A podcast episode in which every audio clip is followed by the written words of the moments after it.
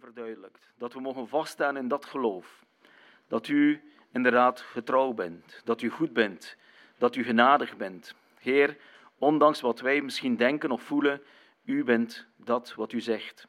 En we danken u, Heer, dat we vanmorgen ook mogen samenkomen. In de eerste plaats om u echt alle eer en glorie te geven. Omdat we in dat volle besef zijn van onszelf dat wij niets kunnen bijbrengen.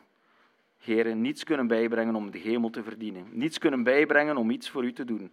Heer, het is genade en het is de Heilige Geest die ons mag leren.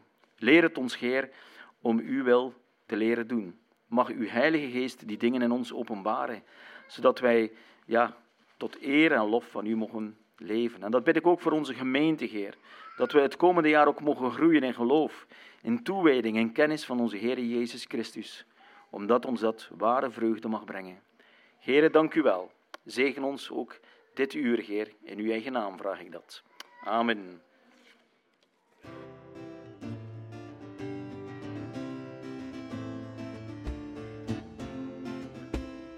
Groot is de Heer, Hij is heilig en goed. Door zijn kracht staan vast in zijn liefde. Groot is de Heer, Hij is waarachtig en trouw. Door genade bewijst Hij zijn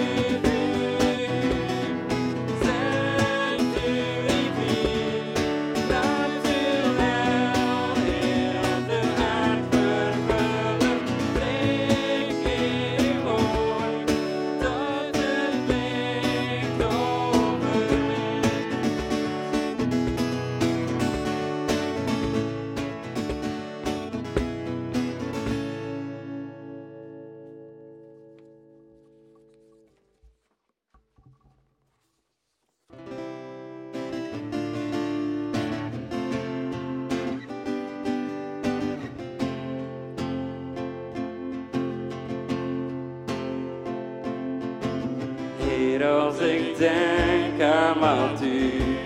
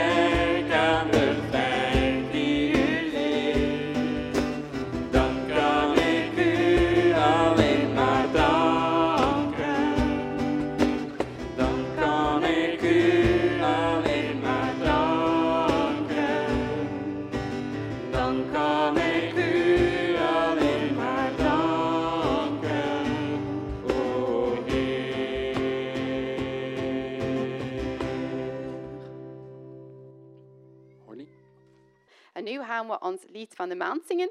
Eh, jullie hebben het vorige week ook al gezongen, zeker? Dus jullie kennen het, ik helemaal niet. Dus ik reken op jullie.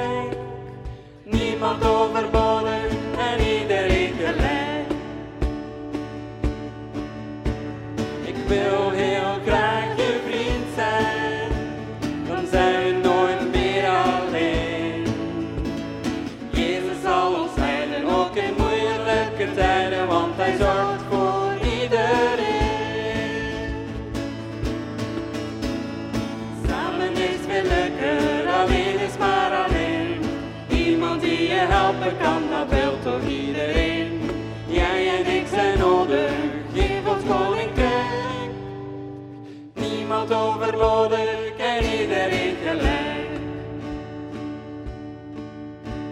We zijn soms zo verschillend en ieder heeft zijn eigen taal. Jezus wil ons leren alle mensen te waarderen, want hij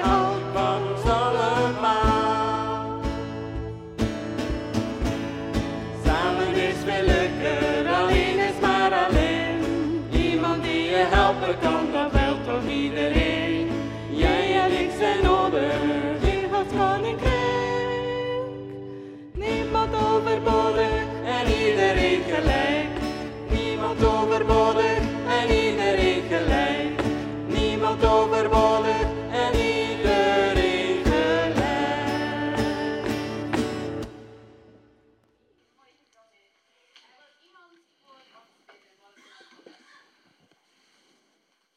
Oké, Jonathan.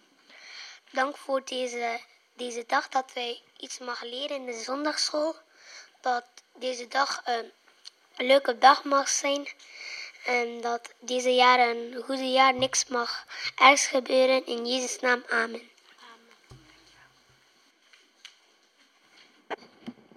Goedemorgen. Fijn om uh, nog samen te zijn. Begin van het jaar weer. De meesten zijn terug al. Degenen die ver waren, zijn teruggekomen. Um, we komen samen omdat we God kennen, of omdat we God willen kennen. En uh, het is goed als we samenkomen, dat we, ja, we komen echt om te groeien, om sterker te worden. En om te ontdekken wat te leven is met God. En zoals we dichter bij God, als we God meer kennen, dan beseffen we dat het leven met God eigenlijk helemaal anders is dan gewoon regels volgen.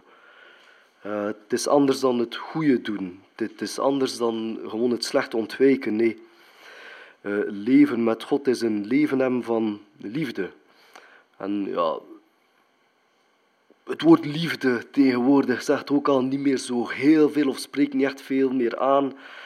Uh, maar we gaan vandaag kijken wat, uh, ja, wat dat Paulus hierover te vertellen heeft. Ehm, daarvoor gaan we zo eens kijken naar een tekst in Corinthiërs. Dus we gaan het samen eens lezen in uh, 1 Corinthiërs. Het is 1 Corinthiërs hoofdstuk 13.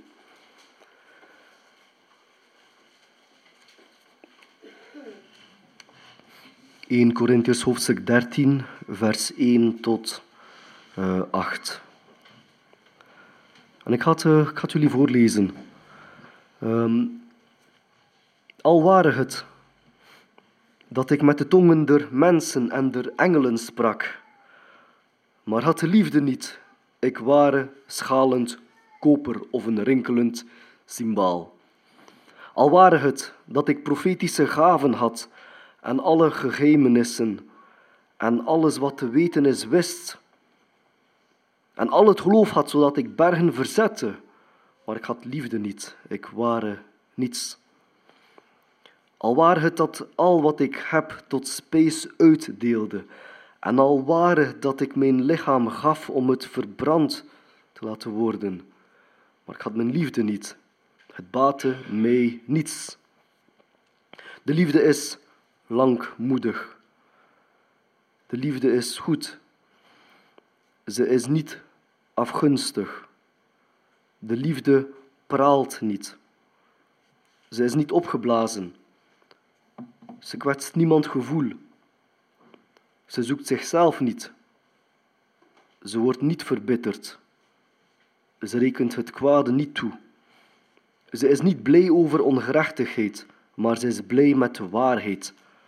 Alles bedekt zij, alles gelooft zij, alles hoopt zij en alles verdraagt zij. De liefde vergaat nimmer meer, maar profetieën zij zullen afgedaan hebben. Tongen zij zullen verstommen, kennis zij zal afgedaan hebben. Tot daar. Het is een tekst die we, ja, mogelijk hebben, jullie al een paar keer al gehoord. Het is een tekst die we horen soms op, uh, op uh, huwelijken, op, uh, ja, echt als er feest is, okay, wordt deze tekst ook aangehaald. Maar het is een tekst waar dat, waarbij dat de boodschap echt duidelijk komt, wanneer dat je het verhaal echt begrijpt. En het verhaal erachter is toch iets anders dan dat we, dan zouden denken. Dus uh, hier lijkt ah, de liefde is mooi, de liefde is dit en dat, maar het, het zit er echt een verhaal achter. En dat gaan we zien vandaag. We gaan drie zaken zien. We gaan eerst kijken naar het verhaal achter deze passage. En een keer dat we het verhaal hebben gezien, gaan we kijken naar het tweede punt, dat is een waarschuwing. Er zit een waarschuwing hierin, in deze tekst. En als we de waarschuwing hebben gezien, gaan we naar het derde punt gaan, wat het betekent voor ons. Het eerste is het verhaal. En uh, deze brief schreef Paulus aan de Corinthiërs. En we gaan eens, eens terugkijken naar de stad Korinthe. Dus Korinthe zit in, in Griekenland. Weet, Griekenland is, zit een deel in de zee, is een schiereiland. En het is een kleine stad in het midden van Griekenland. Uh, het is zo dat het ongeveer 6,5 kilometer breed is. Niet zo heel breed. Maar wat dat is, iedereen die van het uh, noorden naar het zuiden moest gaan of omgekeerd, die moest gaan door deze stad. Dus uh, dat was echt, iedereen moest er doorgaan. En het is zoals mensen van, van het oosten naar het westen wilden gaan, vaak was het heel interessant om, om via Korinthe te gaan. Om eerst af te dalen via Korinthe, om dan een kanaal te nemen en dan terug over te steken. Dus dat, was, komt erop neer, wat ik wil vertellen, is dat de stad was die... Iedereen moest erdoor. Het was een perfecte plaats voor handel, omdat iedereen er langs moest. En ehm, zo ongeveer 150 jaar voordat Christus er was,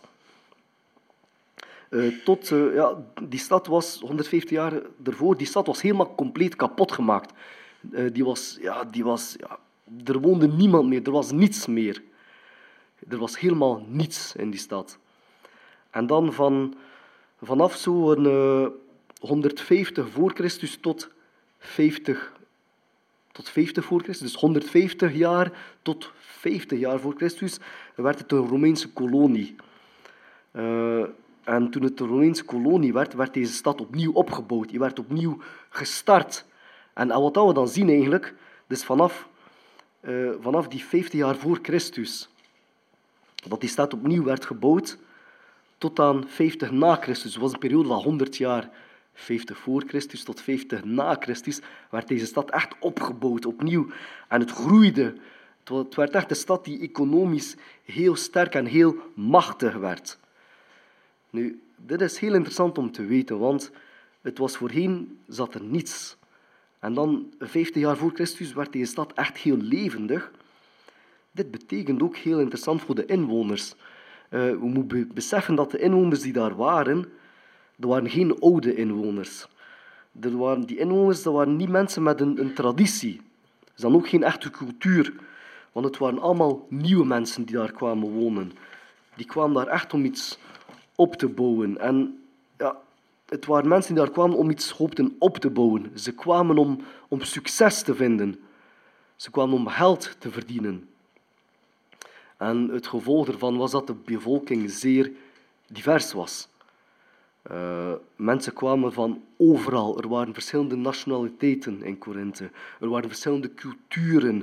Het was een mix van verschillende sociale afkomsten. Er waren er waren daar slaven, heel veel slaven. Er waren ook heel veel niet-slaven. En het was vooral een stad die draaide rond, rond geld, rond macht. Rond, ja, het was, er was heel veel seksuele immoraliteit in die stad. Uh, en het belangrijkste uh, voorbeeld is dat er op die tempel, er was een tempel in die stad, er was een berg in die stad. Uh, dus in die stad was er een berg en daar was een tempel. Weet jullie nog uh, welke tempel, dat, welke god dat in die tempel werd vereerd?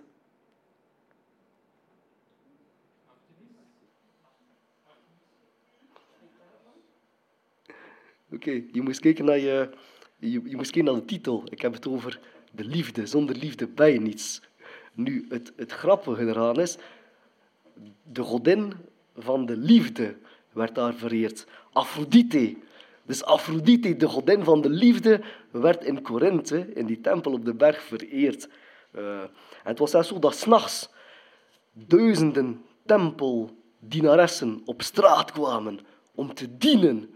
Duizenden tempelprostituees kwamen op straat in die stad om hun diensten. Dus, dus eigenlijk, kun het was een stad die draaide rond geld, succes, macht.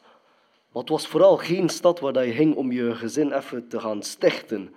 Je ging daar niet om te leven. Je ging daar echt niet om even je leven op te bouwen. Dat deed totaal niet. Nu, uh, dit is eentjes achtergrond. Weten wat dat de stad Korinthe was.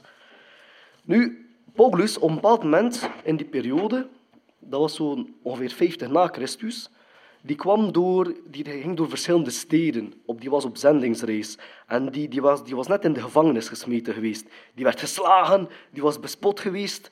En nadat hij terug vrij kwam uit de gevangenis, kwam hij terecht in Korinthe. Hij was daar in de synagoge onder de Joden. En daar werd hij ook buiten geschopt door de Joden. Van, ga weg, Paulus. Want hij vertelde over Jezus en dat was dwaalleer. Dus werd uit de synagoge verbannen. Die werd verjaagd. En Paulus die was helemaal ontmoedigd. Die was bang. Die zag het niet meer zitten. En daar zat hij in Korinthe.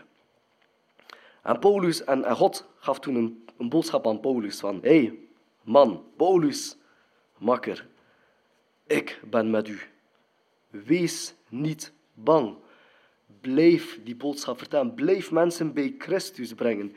Niemand zal jullie kwaad doen. En het is zo dat hij daar één jaar en een half verbleef in Korinthe. En hij verbleef daar echt onder de heidenen. Hij was verjaagd door de Joden, dus die zat er echt onder de, de heidenen. De, de, ja. En wat we zien, is dat Paulus daar een gemeente oprichtte. De, de gemeente van Korinthe werd daar opgericht.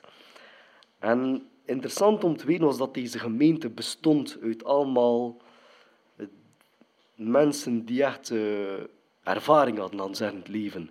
Het waren dieven.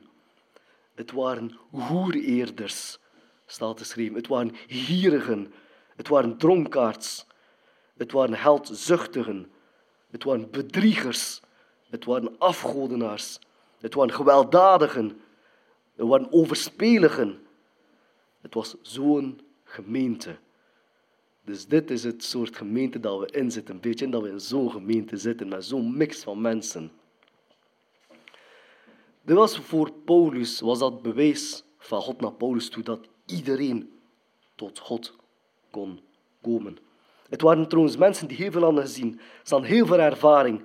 Ze wisten veel. En op het moment dat die, die tot geloof kwamen, was het een kerk met heel veel gaven. Dus je, je ziet dat het een kerk was die heel vrijgevig was. Er was heel veel kennis over de Bijbel erin. Het waren mensen die heel groot geloof hadden. Ze hadden visioenen. Er waren profetieën in die kerk. Er waren wonderen gedaan. Ze deden heel veel. Er werd, was echt een levendige kerk. Maar ze hadden een probleem. En vijf jaar nadat Paulus die kerk had gesticht en had weggegaan, moest hij deze brief schrijven naar de mensen. De brief over de liefde, want er was een probleem. Die, die kerk groeide wel en die mensen deden heel veel. Maar die kerk kampte met heel veel problemen. Er, er was trots, er was jaloersheid, er was veel bitterheid. Mensen kwetsten elkaar. En Paulus moest deze brief schrijven. We gaan meteen zien wat inhoudelijk over wat dat hij dan beschrijft, wat dat hij dan schreef naar die mensen over de liefde. Dat was het eerste punt. Uh, de achtergrond van de kerk in Korinthe. Even een tussenboodschap. Voordat we gaan naar het tweede punt, wat dat de waarschuwing is, wil ik even iets, iets tonen. Als we kijken naar de kerk in Korinthe, dan beseffen we dat de kerk, dat die toont dat de kerk voor iedereen is. Wie dat je ook bent, wat dat je ook hebt gedaan. Uh, iedereen kan tot God komen. En er is ook iets interessants dat we leren, is dat wanneer dat een kerk begint te groeien, wanneer dat mensen tot geloof komen, en de kerk gaat echt vooruit, dan ga je merken dat die kerk verschillende soorten mensen zal aantrekken. Mensen van andere culturen komen samen. Mensen met een andere mentaliteit komen samen. Mensen met een andere achtergrond komen samen. En het gevolg is dat in zo'n kerken, die echt levendig worden, is er ook een gevaar dat er ook meer problemen kunnen zijn. Er zullen meer problemen zijn, want mensen moeten op elkaar afgestemd raken. Ze moeten wennen aan elkaar. En uh, die diversiteit zorgt echt voor heel veel groeipijnen. En daar mist ook aan, aan, aan, ons allemaal, als we in een kerk zitten en die kerk begint te groeien. En ja, als er groeipijnen zijn, dan moeten we onze eigen gedachten opzij zetten van wat denk ik als mens, wat is mijn mening over de kerk, of wat is mijn mening van hoe dat we dingen moeten doen, moeten we soms achteruit schuiven en moeten we kijken van hoe gaan we samen op weg met God. Onze eigen fundamenten zetten we opzij en gaan we samen op zoek naar Gods fundament. En dat is wat dat Paulus doet. Dus Paulus ziet van, ja oké, jullie zijn goed, jullie zijn op een bepaald moment wel goed bezig, jullie groeien. Er is heel veel kennis en geloof en jullie gaan vooruit. Maar er is een fundament dat jullie opeens missen, die liefde missen jullie. En dat is de reden dat er zoveel problemen zijn bij jullie.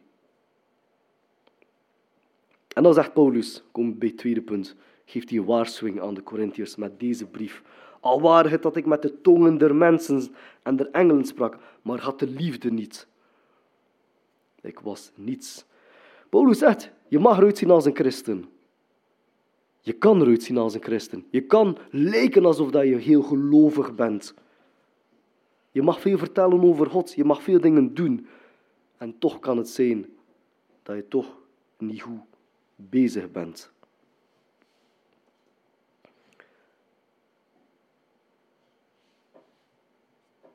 Dus dat is ook wat hij zegt. Al, al het dat ik ook gaven had. En, ik, en ik, ik wist alles en ik had een groot geloof.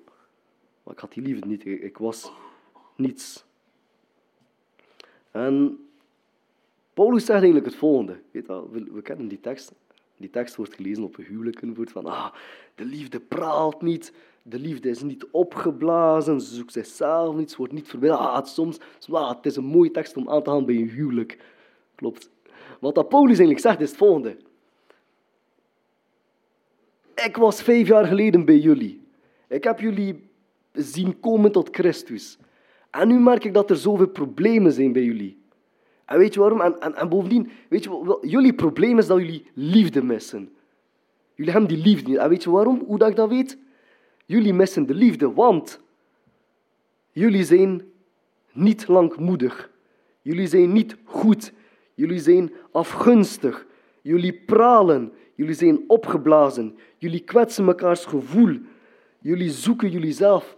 Jullie zijn verbitterd. Jullie rekenen elkaar het kwade toe. Jullie zijn blij over ongerechtigheid.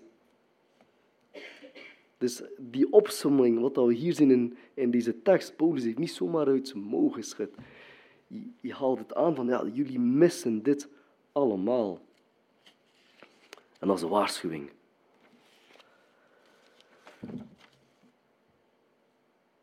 Nu, voor ons komen bij een derde punt. Wat is de betekenis voor ons? Dus er is een boodschap erin voor, voor mensen. Ten eerste voor mensen die dingen doen in de kerk. Die mensen ja, die, wordt het, die, die muziek spelen, die diakenen zijn, die mensen die koffie inschenken, mensen die bezig zijn met de techniek, mensen die bezig zijn met de kinderen, mensen die zorgen voor het gebouw, mensen die helpen in de kerk, mensen die geld geven. Er is een waarschuwing voor al deze mensen hiervan. Hé, hey, weet je wat? Er is een gevaar bij jullie allemaal dat jullie denken dat God jullie zal aanvaarden.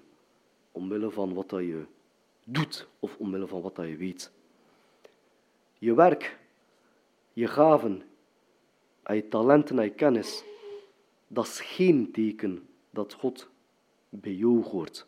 Het is niet omdat je dingen doet, dat je dingen weet, dat je goed bezig bent, dat je bij God hoort. Dit is totaal niet zo. Jij hoort bij God omdat God jou lief heeft, omdat God jou heeft gemaakt en omdat God jou steeds bij hem neemt. Je hoort bij God omdat je zijn kind bent. Dus vandaar, ga jezelf niet overschatten. Je bent niet slechter dan anderen, maar je bent ook niet beter dan anderen. Dat is wat dat Paulus ons wil leren. Merk je het volgende. Uh, bij iemand die heel vlug ongeduldig wordt. Iemand die ongevoelig is tegenover anderen. Heel koud. Bij iemand die op jezelf bent gericht, egocentrisch. Bij iemand die vlug jaloers wordt. Word je vlug boos. Word je vlug bitter. Bij een trots iemand. Bij ongeïnteresseerd in anderen. Het is een waarschuwing voor jullie. Eh, ik zou er al mee opletten. Of zijn jullie een warm persoon? Zijn jullie heel aangenaam? Zijn jullie heel open? Een waarschuwing voor mensen die in de kerk dingen aan doen. Ik heb ook een waarschuwing voor nog een tweede soort mensen. Voor mensen die in de kerk zitten en die misschien niet actief zijn of die zich misschien als christen niet christen genoeg voelen. Omdat ze zich niet op de voorgrond stellen. En misschien zijn dat mensen die zich dan te min voelen, die zich niet christen genoeg voelen, omdat ze geen dingen doen of weten. Daarvoor heeft hij ook een boodschap van, ja kijk, het gaat niet om dingen doen, het gaat niet om gaven hebben. Het gaat niet om dingen weten.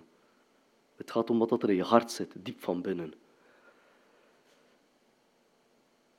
Je gaven en je kennis is iets wat God gebruikt om zich te laten kennen aan de wereld. Maar de liefde voor God dat je hebt, dat maakt jou ook een liefdevolle persoon. Het zorgt ervoor dat je stabiel wordt, dat je mooi wordt, dat je nederig wordt, dat je dankbaar wordt. Besef het volgende. Jullie zijn allemaal mensen in deze wereld geplaatst. Door God. En we maken samen deze wereld een mooie plaats. Jullie allemaal brengen mensen tot God. Door jullie eigen leven, door wat er in jullie zit. Dus een eerste waarschuwing voor mensen die heel veel dingen in de kerk doen. Een tweede, een bemoediging voor mensen die in de kerk zitten en die zich te min voelen. En dan een derde, voor mensen die misschien denken, ik ben goed genoeg. Ik heb God niet nodig. Waarom heb ik God nodig? Dan, heb, dan is het volgende. Wat is de motor in je leven? Waarom doe je goede dingen dan? Is dat voor jezelf? Is dat voor anderen? Wat is de hoop in je leven? Het goede kun je enkel echt doen als de motor van je leven, als de motor in je hart ook het goede is. En als het ook van hogeraf komt.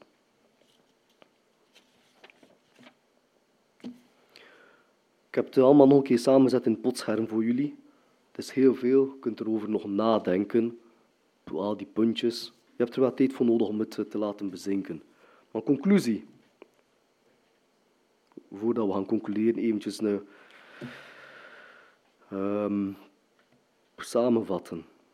Voor iedereen. Iedereen kan dus veel kennis hebben. Iedereen kan veel doen. Iedereen kan veel geven of veel tonen. Je kunt dat allemaal uit jezelf. Maar wat je niet uit jezelf kan, is de vrucht van liefde dragen. Dat betekent geduldig, nederigheid, blijdschap, hoop, vertrouwen, zorgen voor anderen. Het kan enkel als je liefde hebt om het te geven. En de liefde kan je enkel als je het zelf hebt ontvangen. En het is zo dat jou diep van binnen verandert. Kijk, we moeten allemaal streven naar de liefde. Uh, als mens falen wij. We falen iedere keer. We falen altijd. Um, maar we blijven gaan. We blijven zoeken en streven. En het is niet dat je het één keer vindt, dat je het altijd hebt. Het is, we schieten zo vaak tekort.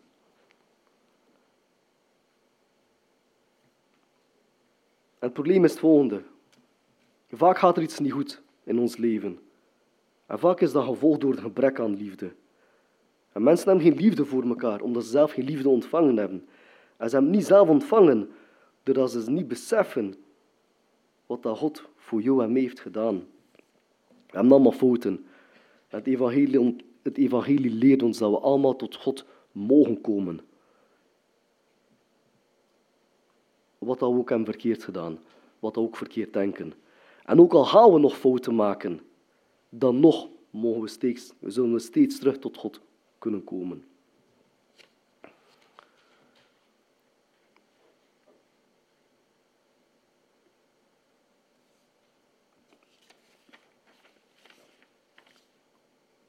Ik wil eindigen, maar ik wil je nog een kleine anekdote vertellen voordat ik eindig. Een maar heel klein stukje. Ik had uh, onlangs een gesprek met uh, uh, iemand die, ja, laten we zeggen, een getuige van Jehovah.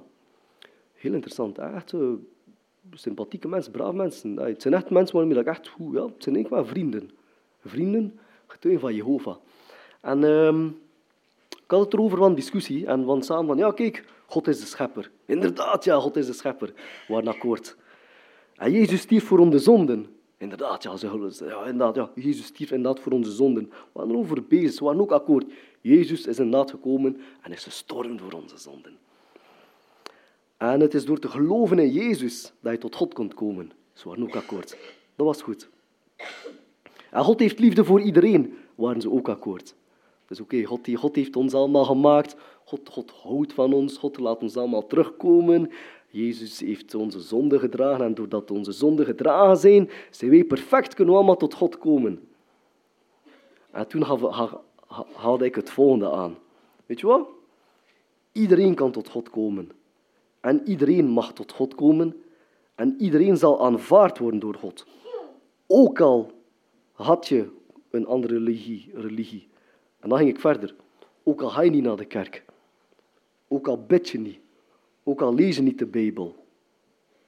Dan nog zal God jou aanvaarden. Ook al heb je niet je best gedaan in je leven. God zal je aanvaarden. Er is wel één voorwaarde. Dat is gewoon dat jij de stap zet tot God van, hé, weet je wat? God, kom terug tot u. Hij weet dat je perfect bent door Jezus. En daar waren ze niet akkoord. Die getuigen van Jehovah daar. Nee, Thomas, kan niet, kan niet. Het kan niet zijn, ik ben niet akkoord met jou. Mensen moeten er toch iets voor doen. Je moet toch je best doen. Je moet toch naar de kerk gaan. Je moet toch wel... Je moet... Ik zei, nee, nee, nee. De liefde van God vertelt u dat, dat er geen voorwaarde is gewoon te komen tot hem. Ik, ik merk ook wel een bepaalde twijfel bij die mensen. Dus ze, hun hele leven proberen ze dingen te doen. Proberen ze echt hun best te doen. In de hoop dat ze tot God mogen komen. Bij ons is het anders. Is, ik krijg ook vaak de opmerking van, Thomas, waarom vertel je dat? Ik vertel het ook aan mensen van, ja, je moet niet naar de kerk komen. Je moet de Bijbel niet lezen. Je moet niet bidden. Je mag dingen verkeerd doen. Besef dat God je steeds weer gaat aanvaarden. Dat is één ding. En dat zorgt ervoor dat je beseft hoe groot dat de liefde is voor jou. Dat zal je van binnen veranderen. En op het moment dat je beseft dat eigenlijk allemaal, dat God je steeds bij hem zal nemen, los van wat je hebt gedaan, zorgt ervoor dat je liefde krijgt van binnen. En het krijgt de verlangen om bij God te zijn. Het krijgt de verlangen om hem te kennen. Je krijgt het verlangen om naar de kerk te gaan. Je krijgt het verlangen om die Bijbel te lezen. Je krijgt het verlangen om te bidden. Je krijgt het verlangen om het goede te doen. Het is helemaal anders. Vroeger deden we het goede in de hoop dat we bij God zouden komen. Nu doen we het goede puur uit dankbaarheid. Puur uit blijdschap. Laten we samen terugkomen tot God dan. God is het die het leven gaf. Jezus heeft jou lief gehad. We mogen allemaal tot Hem komen, met al onze tekortkomingen. Laten we samen mensen tot God brengen. We gaan danken samen.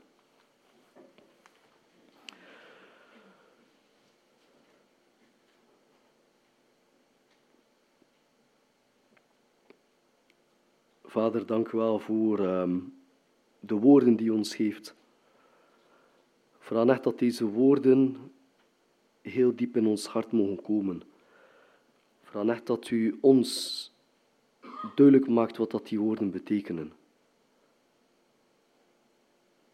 Vader, we zijn echt mensen met heel veel fouten. En met zonde, Vader. Met slechte gedachten. En we blijven maar verkeerd doen. We keren ook deze ochtend terug tot u, Vader. Terug tot u. Vooral om vergeving, Vader. We geven ons leven terug in uw handen. Het is ons leven. Um, dank u wel voor het leven. Dank u wel dat we bij u mogen komen. Dank u wel dat we bij u horen. Verander echt onze levens. Raak ons allemaal aan. Dat we ook samen mensen mogen aanraken. Dat u mensen mag aanraken door ons, Vader. Weten dat u alles doet, dat u werd Vader. Dank u wel. Amen.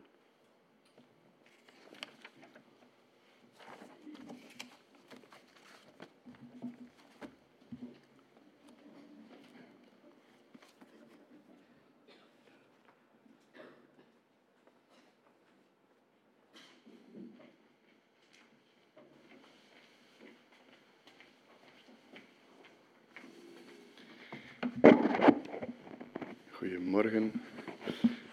We gaan uh, nog samen het avondmaal vieren. Uh, het avondmaal is iets waar ik vroeger dat was een onderdeel van de dienst. En ik weet niet hoe dat komt, maar de laatste tijd is dat echt iets... Ik, ik kan ernaar verlangen. Als ik weet dat het avondmaal is, ik probeer mij daar ook in de week op voor te bereiden.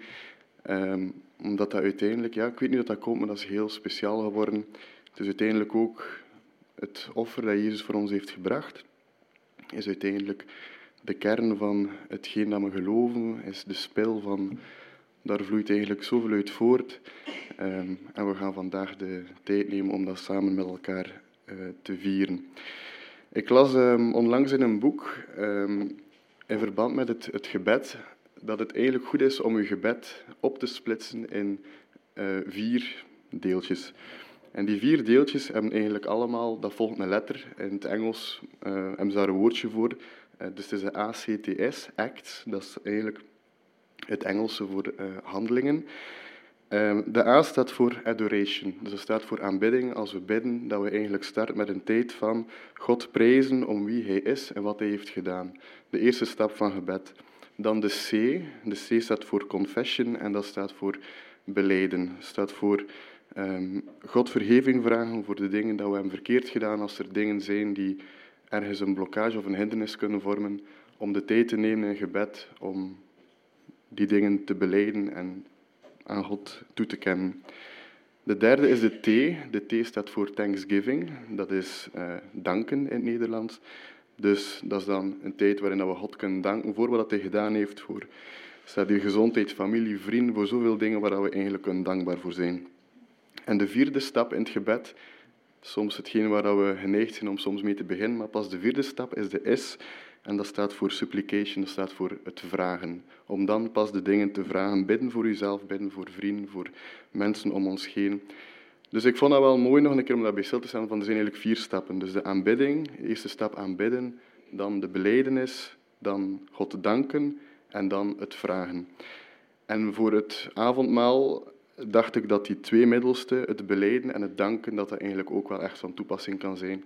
Hier, als we nu samen het avondmaal vieren. Dus ik zou willen starten met een tijd van gebed, iedereen voor zichzelf, om even stil te staan bij die, bij die C van confession, bij beleidenis. En om even stil te staan met, zijn er dingen die op dit moment in uw leven spelen, die dat goed beleiden aan God? Het is het moment, want we staan nu eigenlijk bij stil, bij hetgeen wat dat Jezus voor ons heeft gedaan. Maar het is goed om daar ook nog een keer tijd voor te nemen, om dat op die manier extra te laten doordringen van, ja, wat heeft Jezus eigenlijk voor mij gedaan? Niet alleen nu, maar het is, het is voor altijd. Maar om een tijd te nemen om nog daarbij stil te staan en de dingen die een hindernis zijn om dat te beleiden. Dan komt er een kort muziek, eh, een, een, een liedje. Dat is gewoon om naar te luisteren, maar dat lied verbindt heel mooi dat beleiden en dat danken aan elkaar. En na dat lied nemen we dan nog een korte tijd van gebed om echt te danken. Om echt ja, uw dankbaarheid te uiten naar, naar God. Om Jezus te danken voor hetgeen wat hij heeft gedaan. Dus laten we nu eerst beginnen, iedereen voor zichzelf, met twee minuutjes om even stil te staan bij het beleiden. Even met, met God in gesprek te gaan. Zijn er dingen die van uw hart moeten, dat we daar eerst even tijd voor nemen. En dan komt het liedje daarna.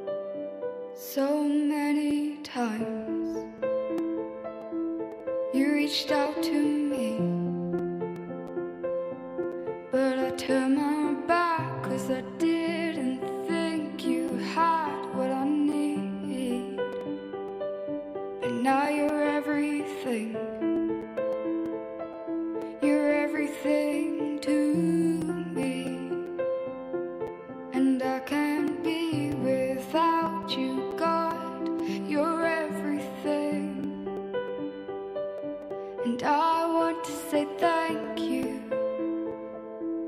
I was lost and you found me. I was dead inside.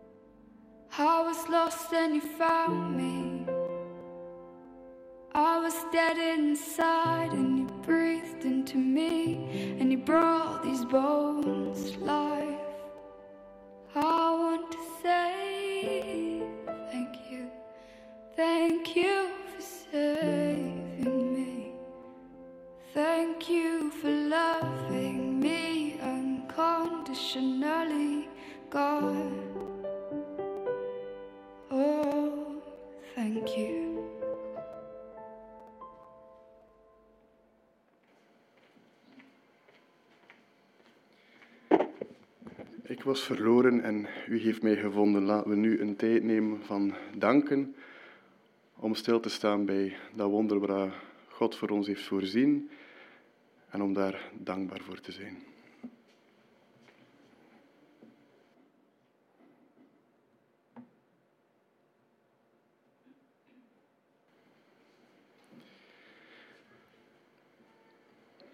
uh, Romeinen lezen we, zij worden om niet rechtvaardigd door de verlossing in Christus Jezus. Hem heeft God voorgesteld als zoenmiddel door het geloof in zijn bloed.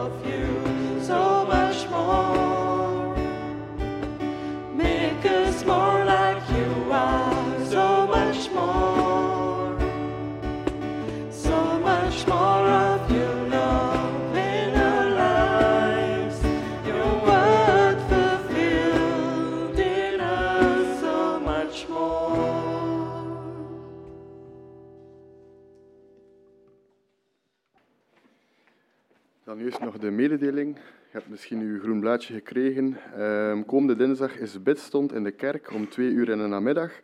Uh, komende donderdag is er ook terug Bijbelstudie. Uh, de donderdagavond om acht uur uh, in de kerk met Mark Herkelboot. Um, en dan